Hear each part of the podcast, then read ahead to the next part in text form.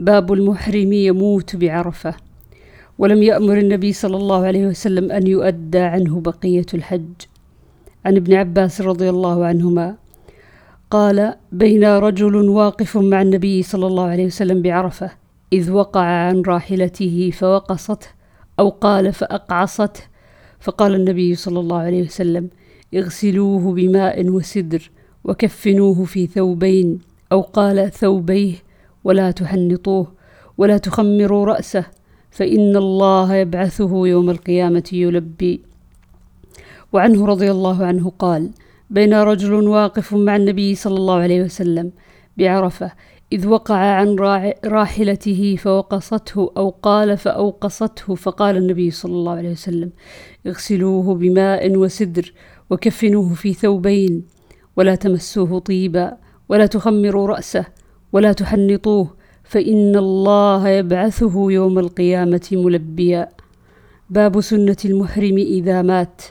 عن ابن عباس رضي الله عنهما أن, رجلا كان مع النبي صلى الله عليه وسلم فوقصته ناقته وهو محرم فمات.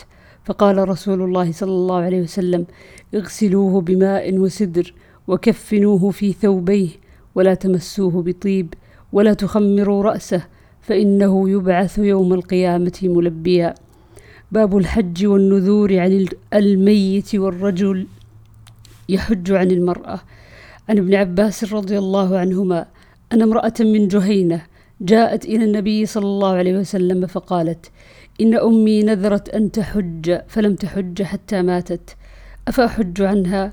قال نعم حجي عنها أرأيت لو كان على أمك دين أكنت قاضية؟ اقضوا الله فالله أحق بالوفاء باب الحج عمن لا يستطيع الثبوت على الراحلة عن ابن عباس رضي الله عنهما قال جاءت امرأة من خثعم عام حجة الوداع قالت يا رسول الله إن فريضة الله على عباده في الحج أدركت أبي شيخا كبيرا لا يستوي على الراحلة فهل يقضي عنه أن أحج عنه؟ قال نعم. باب حج المرأة عن الرجل. عن عبد الله بن عباس رضي الله عنهما قال كان الفضل رديف النبي صلى الله عليه وسلم فجاءت امرأة من خثعم فجعل الفضل ينظر إليها وتنظر إليه فجعل النبي صلى الله عليه وسلم يصرف وجه الفضل إلى الشق الآخر فقالت إن فريضة الله أدركت أبي شيخا كبيرا لا يثبت على الراحلة أفأحج عنه. قال نعم وذلك في حجة الوداع. باب حج الصبيان. عن ابن عباس رضي الله عنهما قال بعثني أو قدمني النبي صلى الله عليه وسلم في الثقل من جمع بليل. وعنه رضي الله عنه قال أقبلت وقد ناهزت الحلم أسير على أتان لي.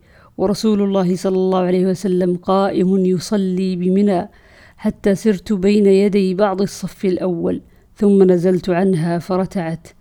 فصففت مع الناس وراء رسول الله صلى الله عليه وسلم. وقال يونس عن ابن شهاب بمنى في حجة الوداع. عن السائب بن يزيد قال حج بي مع رسول الله صلى الله عليه وسلم وأنا ابن سبع سنين. وعن الجعيد بن عبد الرحمن قال سمعت عمر بن عبد العزيز يقول للسائب بن يزيد وكان قد حج به في ثقل النبي صلى الله عليه وسلم. باب حج النساء.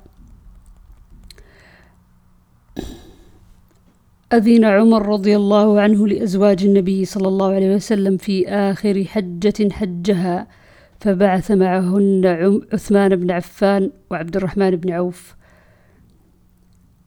عن عائشة أم المؤمنين رضي الله عنها قالت قلت يا رسول الله ألا نغزو ونجاهد معكم؟ فقال لكن أحسن الجهاد وأجمله الحج حج مبرور. فقالت عائشة فلا أدع الحج بعد إذ سمعت هذا من رسول الله صلى الله عليه وسلم. عن ابن عباس رضي الله عنهما قال قال رسول الله صلى الله عليه وسلم لا تسافر المرأة إلا مع ذي محرم. ولا يدخل عليها رجل إلا ومعها محرم. فقال رجل يا رسول الله إني أريد أن أخرج في جيش كذا وكذا وامرأتي تريد الحج. فقال أخرج معها. عن ابن عباس رضي الله عنهما قال لما رجع النبي صلى الله عليه وسلم من حجته قال لأم سنان الأنصارية ما منعك من الحج؟ قالت أبو فلان تعني زوجها كان له ناضحان حج على أحدهما والآخر يسقي أرضا لنا. قال فإن عمرة في رمضان تقضي حجة معي.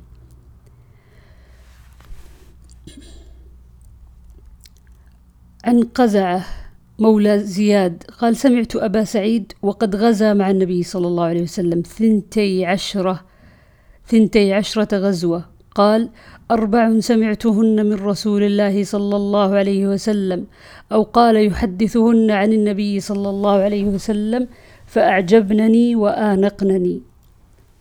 لا تسافر امرأة مسيرة يومين ليس معها زوجها أو ذو محرم ولا صوم يومين الفطر والأضحى ولا صلاة بعد صلاتين بعد العصر حتى تغرب الشمس وبعد الصبح حتى تطلع الشمس. ولا تشد الرحال إلا إلى ثلاثة مساجد مسجد الحرام ومسجدي ومسجد الأقصى. باب من نذر المشي إلى الكعبة. عن أنس رضي الله عنه أن النبي صلى الله عليه وسلم رأى شيخا يهادى بين ابنيه. قال ما بال هذا؟ قالوا نذر أن يمشي. قال إن الله عن تعذيب هذا نفسه لغني. وأمره أن يركب. وعن يزيد بن أبي حبيب أن أبا الخير حدثه عن عقبة بن عامر قال نذرت أختي أن تمشي إلى بيت الله وأمرتني أن أستفتي لها النبي صلى الله عليه وسلم فاستفتيته فقال عليه السلام لتمشي ولتركب. قال وكان أبو الخير لا يفارق عقبة.